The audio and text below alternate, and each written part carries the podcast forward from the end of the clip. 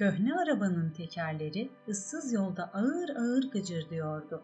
Arada bir kesildiği de oluyordu gıcırtının. Çünkü yürüyecek gücü kalmayan yaşlı at durup dinleniyordu. Böyle zamanlarda ortalığa çöken ölü sessizliğinde küt küt vuran yüreğinin kulaklarında yankılandığını duyuyordu. Atının soluk almasını biraz bekledikten sonra Tanabay, ''Hadi bakalım Gülsarı'' diyordu. ''Hava kararıyor.'' Böylece bir buçuk saat kadar gittiler. Ondan sonra Gülsarı bir adım daha ilerlemedi. Arabayı çekecek gücü kalmamıştı zavallının. Tanabay yeniden telaşlandı. Atın çevresinde dört dönmeye başladı. ''Ne yapıyorsun Gülsarı? Bak neredeyse gece oldu.'' Fakat at onu anlayacak durumda değildi. Ağırlığının altında ezildiği koşumunun içinde başını silkeleyerek duruyor, yıkılacakmış gibi bir o yana bir bu yana sallanıyordu. Yüreğinin sağır eden çarpışlarını duyuyordu kulaklarında. Küt küt, küt küt, küt küt. Kusura bakma yavrum, anlamakta geciktiğim için bağışla beni. Koşumu arabası yere batsın, seni eve kadar götüreyim yeter. Tanabay böyle diyerek kürkünü yere attı. Atı aceleyle çözmeye başladı. Okları arasından onu çıkardıktan sonra hamutu boynundan sıyırdı. Bütün koşum takımını arabanın içine fırlattı. İşte hepsi bu kadar. Bütün yüklerinden kurtulan Gülsarı'ya bakıyordu şimdi. Akşamın ayazında, bozkırda, koşumsuz, hamutsuz, koskoca kafasıyla bir hayalete benziyordu hayvancağız. Aman tanrım, neye dönmüşsün sen diye mırıldandı Tanabay. Torgoy seni bu halde görse kim bilir ne derdi. Atı dizgininden çekti. Birlikte ağır ağır ilerlemeye başladılar. Kocamış atla yaşlı adam baş başaydılar şimdi. Araba arkada kalmıştı. İleride, batıdaysa yol boyunca koyu mor bir karanlık inmişti. Dağları örten, ufukları silen bir gece sessizce çöküyordu bozkıra. Tanabay, rahvan atıyla ilgili yıllar boyu süren olayları düşüne düşüne yürüyordu. İnsanların ölenlere karşı tutumu hatrına gelince acı bir gülümseme belirdi yüzünde. Hepimiz böyleyiz işte. Bir insanı yaşamının sonunda, ölüm döşeğinde ya da ölünce anımsarız. Yitirdiğimiz kimsenin değeri, nasıl bir insan olduğu, iyi yönleri, yaptığı işler o zaman daha iyi anlaşılıyor herhalde. Peki şu ağzı var dili yok yaratığa ne demeli? Bir nice insan taşıdı bu hayvan sırtında. Üstüne kimler binmedi ki? Ama yaşlandı diye unuttuk. Zavallı, yürürken ayaklarını zor sürüyor. Onun nasıl bir at olduğunu nereden bilecekler? Olaylar hatrına geldikçe eski günleri çoktan beri düşünmemiş olmasına şaştı kaldı. Geçmiş bütün canlılığıyla dikildi karşısına. Demek yaşanan şeyler hiçbir iz bırakmadan unutulmazmış. Eskiden geçmiş günleri fazla düşünmez, daha doğrusu düşünmek gerektiğini duymazdı. Ama şimdi oğlu ve geliniyle aralarında geçen tatsız konuşmadan sonra ölmek üzere olan atını dizgininden çeke çeke götürdüğü bir sırada içinde bir buruklukla yaşanmış yıllara dönüp bakınca anılar ardı ardına canlanmaya başladı. Derin düşünceler içinde yürüyordu yaşlı adam. Rahvanatı ise dizginleri gittikçe ağırlaştırarak ardından geliyordu. Adamcağızın bir kolu yorgunluktan uyuşunca dizginleri öbür omzuna aktarıyor, atı yeni bir güçlükle çekiyordu. Sonra bu da zor gelmeye başladı. Atı dinlendirmek için mola verdi. Bir an düşündükten sonra başından yularını çıkardı. Hadi yürüyebildiğin kadar sen önden yürü, ben de arkadan geleceğim. Korkma bırakmam seni, yavaş yavaş yürü dedi. Böylece at önde, yuları bırakmamak için omzunu atan Tanabay arkada ağır ağır yürümeye başladılar. Gülsarı duraklayınca Tanabay da duruyor, at yeniden güçlenip yürüyünceye dek bekliyordu. Kocamış atla yaşlı adam duraklaya duraklaya yola düştüler. Gülsarı'nın bir zamanlar aynı yoldan tozu dumana katarak koştuğu hatrına gelince Tanabay'ın yüzünde hüzünlü bir gülümseme belirdi. Çobanlar kalkan toza bakarak Gülsarı'nın koştuğunu ta kilometrelerce uzaktan anlarlardı. Çünkü atın ayaklarının kaldırdığı toz bir çizgi gibi bozkırı bir baştan bir başa hızla geçerken durgun havalarda tepkili uçakların gökyüzünde bıraktığı iz benzeri beyaz bir şerit yolun üstünde asılır kalırdı. Elini kasketinin siperine koyan bir çoban atı uzaktan bir süre seyrettikten sonra Gülsarı bu Gülsarı derdi. Fırtına gibi giderken yüzü rüzgardan cayır cayır yanan biniciyi kıskanmamak elde değildi. Gün yapmış rahvan ata binmek her Kırgız için büyük bir şerefti çünkü. Gülsarı'nın sırtından bir nice çiftlik başkanı gelip geçmişti. Her çeşit insan vardı bunların arasında. Aptalı da, zekisi de, namuslusu da, namussuzu da. Çiftlik başkanı olan bir kimse ona karşı duyulan güvenin sona erdiği güne dek bu saltanatı sürerdi. Şimdi nerede bu adamlar? Sabahtan akşama dek onları sırtında taşıyan Gülsarı'yı arada bir anımsarlar mı acaba? diye düşündü Tanabay. Yolun yarı aşan kısmına gelmişlerdi en sonunda. Burada bir mola verdiler. At yatmak için bacaklarını büküyordu. Hayvan yatınca bir daha kaldıramayacağını bildiği için Tanabay bağırıp çağırmaya, yularla başına vurmaya başladı. Kalk, kalk ayağa. Bir yandan vuruyor, bir yandan da vurduğu için üzülüyordu. Anlamıyor musun be hayvan? Yatınca gebereceğini bilmiyor musun? Yatırmam seni. Yatırmam. Kalk ayağa, kalk diyorum. Atı yelesinden tutup çekti. Gülsarı bacaklarını güçlükle doğrulturken derin derin inledi. Hava kararmıştı ama Tanabay hayvanın gözüne gene de bakamadı. Boynunu okşadı, yelesini elledi, kulağını atın sol böğrüne dayayıp dinledi. Atın yüreği takanaklara dolaşan değirmen dolabı gibi çırpınıp duruyordu. Hayvanın yanında iki büklüm duran Tanabay beli ağrıncaya dek dinlendikten sonra doğruldu. İçini çekerek başını salladı. Yoldan değil de cılgaya sapıp yar boyunca gitmeye karar verdi. Köprünün ilerisinden sapan cılga dağlardan geçtiği için sakıncalıydı. Ama eve bir an önce varılabilirdi. Ne olursa olsun kendine güveniyordu Tanabay. Gece olmasına karşın çok iyi tanıdığı bu yerlerde kaybolmayacağını biliyordu. Yeter ki at dayanabilsindi. Yaşlı adam bunları düşüne dursun, karşıdan bir arabanın farları göründü. Sanki bir çift parlak yuvarlak ansızın karanlıktan çıkıvermişti. Uzun, titreyen iki ışık demeti yolu taraya taraya hızla yaklaşıyordu. Tanabayla atı köprünün başında dikiliyorlardı o sırada. Arabanın onlara bir yararı dokunmayacağını bile bile bekliyordu Tanabay. Yolda birileriyle karşılaşmaktan memnun, hiç olmazsa bir kamyon çıktı karşıma diye düşündü. Kamyonun ışıkları yüzüne vurunca kamaşan gözlerini eliyle örttü. Kamyonun önünde oturan iki kişi köprü başında dikilen yaşlı adamla bir deri bir kemik kalmış atına şaşkın şaşkın bakıyorlardı. Atın ne eğeri vardı ne yuları. Bu görünüşüyle attan çok sahibinin arkasına takılmış bir köpeğe benziyordu.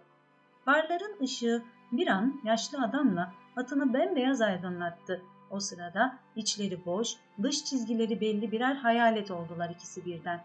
Şoförün yanında oturan kasketi kulaklıklı, ince uzun adam şoföre ''Gecenin ayazında bu adamın burada ne işi var?'' diye sordu. Şoför ''Arabasını geride gördüğümüz adam bu olmalı.'' diyerek kamyonu durdurdu. Başını pencereden çıkararak bağırdı. ''Hey ihtiyar burada ne arıyorsun? Yoldaki araba senin mi?'' ''Benim ya'' Belli, araba da eskiliğinden dökülüyor. Sağda solda kimseyi göremeyince koşumları toplayalım dedik ama o da bir işe yaramaz. Tanabay karşılık vermedi. Şoför kamyondan indi. Yaşlı adamın yanından geçerek birkaç adım ileride yola işemeye başladı. Şoförden yayılan alkol kokusu Tanabay'ın burnunu sızlatacak denli keskindi. ''Ne var ne oldu amca?'' diye sordu şoför geriye dönerek. At yorulduğu için arabayı çekemedi. Zaten çok yaşlı. Hmm, peki şimdi nereye gidiyorsun? Köye, Sarıkuyu Vadisi'ne. Şoför uzun bir ıslık çaldı. Tüh, şu dağları aşacaksın öyle mi? Biz de oraya gitmiyoruz amca. İstersen arkaya atlayıver. Seni devlet çiftliğine de götüreyim. Yarın oradan köyüne gidersin. Sağ ol evlat, atımı bırakamam. Şu iskelete sen at mı diyorsun? Bırak köpekler yesin leşini. İşte şuraya itiver, kargalara yem olsun. İstersen sana yardım edeyim. Tanabay dişlerinin arasından çek git yoluna dedi. Eh keyfin bilir. Şoför alaylı bir gülümsemeyle kamyonun kapısını çarptı. Arkadaşına moruk aklını oynatmış dedi. Önünde bulanık iki ışık demeti uzatan kamyon hareket etti. Stop lambalarının koyu kırmızı ışıklarının aydınlattığı köprü kamyonun ağırlığı altında gıcırdadı. Şoförün yanında oturan kasket kulaklıklı delikanlı köprüyü geçtikleri sırada ''Adamla niye alay ettin?'' diye çıkıştı. ''Senin de başına gelse görürdün.'' Şoför esnedi, direksiyonu kırdı. ''Saçma, benim başıma her türlüsü geldi. Gerçeği söyledim diye mi kızıyorsun? Görmüyor musun? At denecek nesi kalmış Meret'in? Gözünü dört aç oğlum. Bilim çağında yaşıyoruz. Ne var ne yok hepsinin başı teknik bugün. Savaşta da öyle. Yaşlı insanlarla kocamış beygirlere yer yok dünyamızda. Vahşinin tekisin sen. Ne dersen de vız gelir bana. Kamyon uzaklaşınca dört bir yanı gene koyu bir karanlık bürüdü. Gözleri karanlığa alışan Tanabay, hadi yürü, de diyerek atı sürdü. Köprüyü geçince ana yoldan cılgaya saptılar. Yarın üstüne çöken karanlıkta güçlükle seçilebilen bir karaltı yavaş yavaş ilerliyordu şimdi. Ay dağların ardından yeni doğmuştu. Ayın yükselmesini bekleyen yıldızlar ayazlı geceyi soğuk ışıklarıyla aydınlatıyorlardı. Gülsarı'nın eğere alıştırılıp yetiştirildiği yılın sonbaharında yılkılar yayladan geç ayrıldılar. Her zamankinden uzun bir sonbahar olmuştu bu. O kış ılık geçti. Sık sık kar yağmakla birlikte yerde fazla kalmadı. Yem bol bol yetmişti hayvanlara. Bahar gelince yılkılar gene dağ yamaçlarına serpildiler, sonra yeşeren düzlüklere indiler. Savaştan sonra yaşamının belki de en mutlu yılıydı Tanabay'ın. Yaşlılığın kıratı onu ileride bekleye dursun, gencecik kula atına atladığı gibi canının istediği yere gidiyordu. Böyle rahvan at eline birkaç yıl sonra geçse, Gülsarı'nın üstündeyken tattığı mutluluğu, erkekçe zevki hiçbir zaman duyamazdı. Başkalarına caka satmaktan kim hoşlanmazdı ki? Hele Gülsarı gibi bir rahvan at insanın altında olduktan sonra Gülsarı da bilirdi bunu. Tanabay tarlalardan geçip köye varırken öbek öbek çalışmaya giden kadınlara karşı kasılmaya, eğerin üstünde dimdik oturmaya başlayınca o da heyecanlanırdı. Hemen kuyruğunu sırtı düzeyine kaldırır, yelesi rüzgarda ıslık çalarak savrulurdu. Kula atın binicisini sarsmadan bir yay çizerek üzerlerine doğru geldiğini gören kırmızı, beyaz yazmalı kadınlar yolun kenarlarına kaçışarak diz boyu yeşil buğdaya dalarlardı. Tanabay kadınların yanından geçerken geriye döner, gülümseyen yüzler, büyülenmiş gibi bakan ışıl ışıl gözler, bembeyaz dişler görürdü. ''Hey sığırtmaç, dur!'' Gülüşmeler, bağrışmalar o uzaklaşıncaya dek sürer giderdi arkasından. ''Sen bir gün elimize düşersin elbet.'' Gerçekten de bazı günler onu çevirdikleri olurdu. El ile tutuşup yolunu keserlerdi. Ne olacak kadın milleti? Gülüp eğlenmekten hoşlanmayan kadın var mı? Tanabayı eğerin üstünden itmeye çalışırlar, çığlıklar, kahkahalar atarak kamçısını elinden alırlardı. Söyle bakalım bize ne zaman kımız getireceksin? Bizim sabahtan akşama dek tarlalarda canımız çıksın, sen atınla gez. Mı bu? Sizi tutan mı var? Ne diye yılkıcılık yapmıyorsunuz? Yalnız kocalarınıza söyleyin de kendilerine başka karı bulsunlar. Çünkü dağ başında donar kalırsınız. Ya demek öyle. Bunun üzerine tekrar üstüne çullanırlardı. Ancak hiçbirini atına bindirmezdi Tanabay. Hatta her karşılaşmada tavırlarının değiştiği o kadına bile izin vermezdi. Bütün yaptığı atını yavaşlatıp ona ayak uydurmaktı. Belki ata binmeyi kadın istemezdi. O yıl Tanabay denetleme kuruluna seçilmişti. Köye çok işi düştüğü için o kadına sık sık rastlardı. Çiftlik yönetim bürosundan çıkarken öfkeden eli ayağı titrerdi Tanabay'ın. Gülsarı sahibinin gözlerinden, sesinden, elinin hareketlerinden anlardı kızgın olduğunu. Fakat kadınla karşılaşınca birdenbire yumuşardı Tanabay. Yavaş ol oğlum, nedir acelen diye fısıldayarak ateşli atını yatıştırırdı. Kadına yaklaşınca da ona ayak uydururdu. Aralarında alçak sesle konuşurlardı. Bazen de konuşmadan yürürlerdi. Sahibinin bütün sıkıntılarının uçup gittiğini, sesinin sıcaklaştığını, elinin boynunu okşarcasına değdiğini anlardı Gülsarı. Bu yüzden de karşılarına o kadın çıksın da birlikte yürüsünler diye can atardı. Kooperatif çiftliğinde yaşamın kolay geçmediğini, iş günlerinde ellerine fazla bir şey geçmeden herkesin harıl harıl çalıştığını, denetleme kurulu üyesi Tanabay Bekosov'un yorgunluktan canının çıktığını nereden bilecekti ki zavallı at? Devlete bir şeyler verebilsinler, çalışmaları boşa gitmesin diye yöneticilerin durmadan kafa patlattıklarını anlayabilir miydi? Bir önceki yıl yeterince ürün kaldırılamamış, yem kıtlığıyla karşı karşıya gelinmişti. Ama o yıl plan hedeflerini geçerek ilçenin açığını kapatmak için devlete fazladan tahıl ve hayvan bile vermişlerdi. Peki bundan sonra ne olacaktı?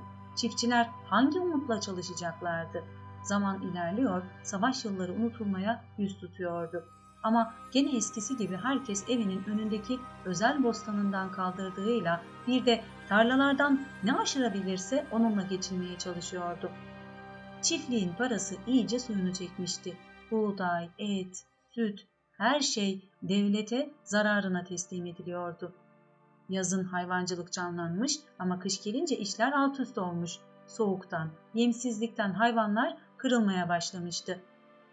Hiç vakit geçirmeden ağıllar, mandıralar, yem ambarları yapılması gerekiyordu. Gel gelelim elde yapı malzemesi yoktu. Yukarıdakilerden hiçbiri bunları sağlamak için söz vermiyordu. Ya savaş yıllarında konutların düştüğü acıklı durum? Bunlar ne olacaktı?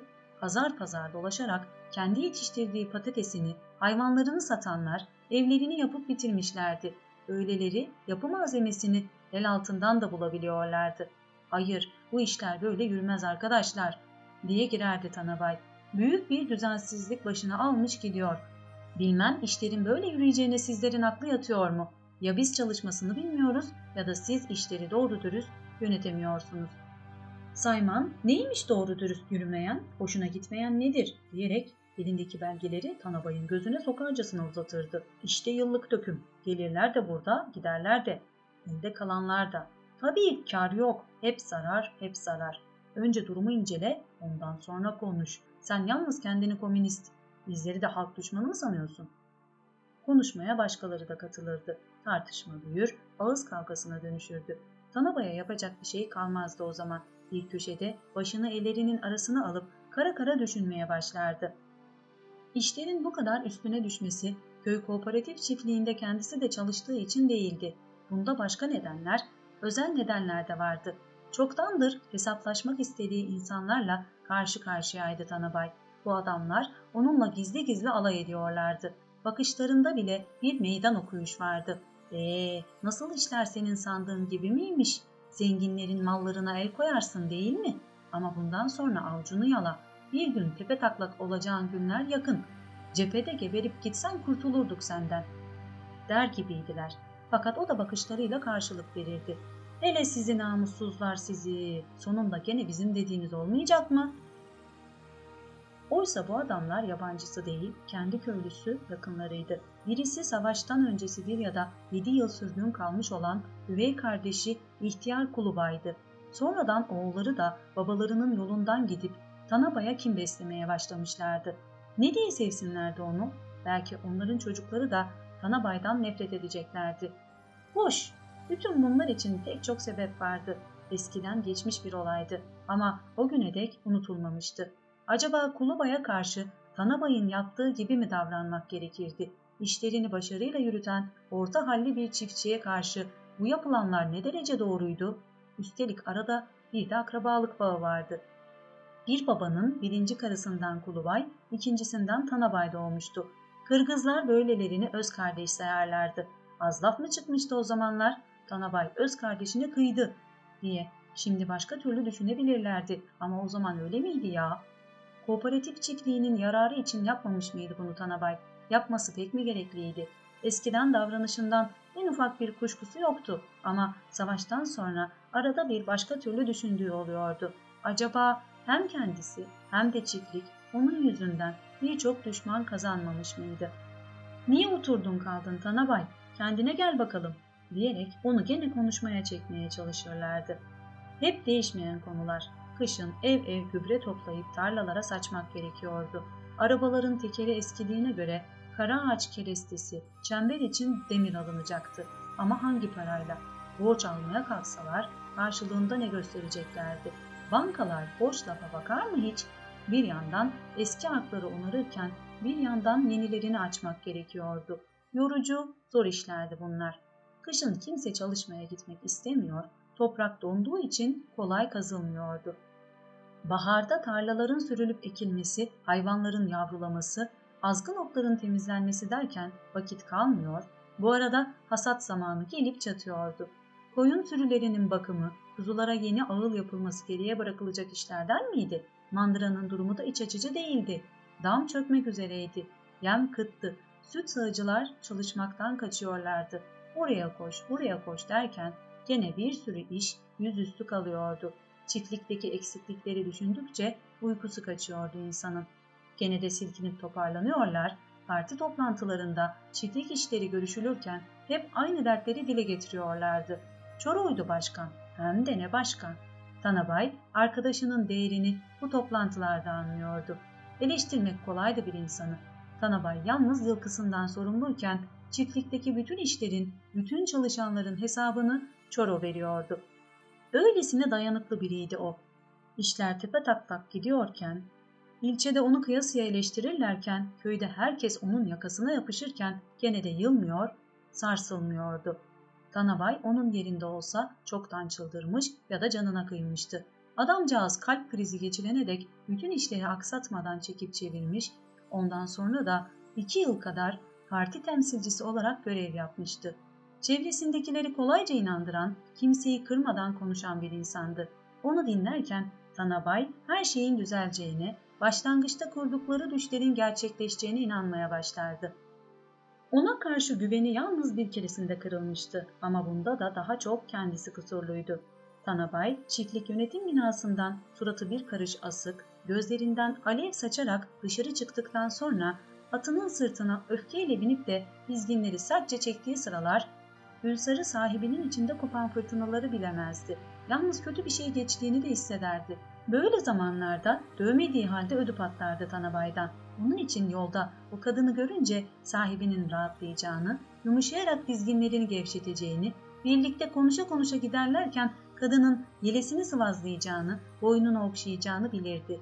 Hiçbir insan eli bu denli yumuşak, okşayıcı olamazdı. Anlı akıtmalı, küçük dolu kısrağın dudakları gibi gergin, duygulu, büyüleyiciydi bu eller. Bu kadının gözleri gibi gözleri de hiç kimsede görmemişti. Tanabay onunla eğrinin üstünden eğilerek konuşurken bazen gülümser, bazen kaşlarını çatar, razı olmadığı bir konuda başını iki yana sallardı. Ay ışıklı bir gecede hızla akan bir derinin dibindeki çakıllar gibi parlar, bir gölgelenirdi kadının gözleri. Kadın yanlarından ayrılırken geriye dönüp bakar, başını gene sallardı. Kadınla karşılaşmalarından sonra Tanabay düşüncelere dalardı. Dizginleri gevşek bırakıldığı için canının istediği gibi yürürdü Gülsarı. Sanki kendi başlarına kalırlardı atla sırtındaki insan. Bu sırada bir türkü mırıldanmaya başlardı Tanabay. Atının adım atışlarına uyarak alçak sesle sözleri anlaşılmayan türküler söylerdi. Hep de ölüp gitmiş insanlar üzerineydi bu türküler. Alıştığı bir cılgaya sapan Gülsarı, binicisini bozkıra, ırmağın ötesine götürürdü. Gülsarı sahibinin bu halini sever, kadına karşı bir çeşit yakınlık duyardı. Duruşundan, yürüyüşünden hemen tanırdı onu. Ondan yayılan, bilmediği garip bir kokuyu duyardı burnuyla. Ta uzaktan alırdı. Bir ot kokusu, yabani karanfil kokusuydu bu. Kadın, karanfil çiçeklerinden yapılmış bir kolye taşırdı boynunda. Farkında mısın Bübücan? Bu at seni çok seviyor, derdi Tanabay. Hadi biraz daha, biraz daha okşa onu. Bak kulaklarını nasıl da sarkıttı. Bu duruşuyla tıpkı danaya benziyor. Yılkı da öteki atlara rahat vermez oldu. Bıraksam aygırlarla köpek gibi dalaşacak. Onu hep eğere vuruyorum. Daha körpecik hayvan. Boğuşurken sakatlanmasından korkuyorum. Kadın, dalgın, demek ki sevdiği biri var, dedi. Yani başkalarının sevdiği yok mu demek istiyorsun? Hayır, onu demek istemedim. Seninle ben seveceğimiz kadar sevdik. Acırım sana sonra. Nedenmiş o? Neden olacak? Sen o insanlardan değilsin. Sonra çok acı çekersin. Ya sen? Ben mi? Ben asker karısıyım. Dulum. Oysa sen? Tanabay işi hemen şakaya dökerdi. Ben de denetleme kurulu üyesi. Karşıma çıkan bir kadın olarak sana bir takım gerçekleri anlatmaya çalışıyorum. Hepsi o kadar. Ya öyle mi? Bakıyorum da gerçeklerden sık sık söz etmeye başladın. Yok canım, şurada konuşa konuşa yürüyoruz işte. Ama ben kendi yolumda yürüyorum. Yollarımız ayrı bizim. Hadi hoşça kal. Hemen gitmem gerekiyor. Dinle beni Bübücan. Ne var? Dinleyemem seni Tanabay. Yaptıklarımızın bir anlamı yok. Sen akıllı bir adamsın. Zaten canımdan bezmişim. Bir de seninle uğraşmayayım. Yoksa senin düşmanın mıyım? Hayır, sen kendine düşmansın. Bunu nasıl anlayayım? Nasıl istersen. Kadın ayrılırdı. Tanabay da iş için gidiyormuş gibi köyün sokaklarından geçerek değirmene ya da okula yönelirdi. Fakat yarı yoldan sapar, gene kadının arkasından gelirdi. Amacı uzaktan da olsa bir daha görmekti onu. Kadın çalışma süresince bıraktığı kızını almak için kaynanasının evine gider, oradan kızının elinden tutarak köyün kıyısındaki evine doğru yürürdü. Tanabay bu kadına karşı büyük bir yakınlık duyardı. Ondan yana bakmamaya çalışarak yürümesini, koyu renkli yazmasının altında solgun görünen yüzünü, küçük kızını, yanında koşan ufak köpeğini hayranlıkla seyrederdi. Kadın evine girip de göze görünmez olunca o da fazla beklemezdi. Fakat bu sefer de hayallerinde düşünürdü onu. Kadın bomboş evinin kapısını açıp içeri girdikten sonra hemen sırtındaki pamuk astarlı mantosunu çıkarır, üstünde yalnız entarisiyle su getirmeye koşar, ocağı yakar, kızının elini yüzünü yıkayarak karnını doyurur, köy sürüsüyle dönen ineğini içeri alırdı. Gece olunca da karanlık, sessiz evde tek başına yatağına girerdi. Kim bilir bu sırada Tanabay'la birbirlerini sevmelerinin gülünçlüğüne inandırmaya çalışırdı kendini. Öyle ya, Tanabay evli bir erkekti. Sevme çağını çoktan geçirmişti. İyi bir kadın olan karısı, başkasının özlemini çeken kocası yüzünden üzülmemeliydi. Kendi kendine kurdukça aklı başından giderdi Tanabay'ın. Demek kısmet değilmiş diye düşünürdü. Sonra ırmağın ötesine, Bozkır'ın puslu enginliklerine bakarak eski türküleri söylemeye başlardı. Türkü söylerken her şeyi, her şeyi unuturdu Tanabay. İşi gücü, çiftliğin dertleri, çocuklarının giyim kuşamı, dostları, düşmanları, yıllardır küs durduğu üvey kardeşi Kulubay'ı, aklına geldikçe ona soğuk terler döktüren savaş yıllarını, gelmiş geçmiş her şey aklından çıkardı. Atının ırmağa geçtikten sonra tekrar yola koyulduğunun farkına bile varmazdı. Ancak Kulatay yılkının kokusunu alıp da adımlarını sıklaştırınca gelirdi kendine. Birden silkinir, Gülsarı ne koşturup duruyorsun diyerek dizginlere asılırdı.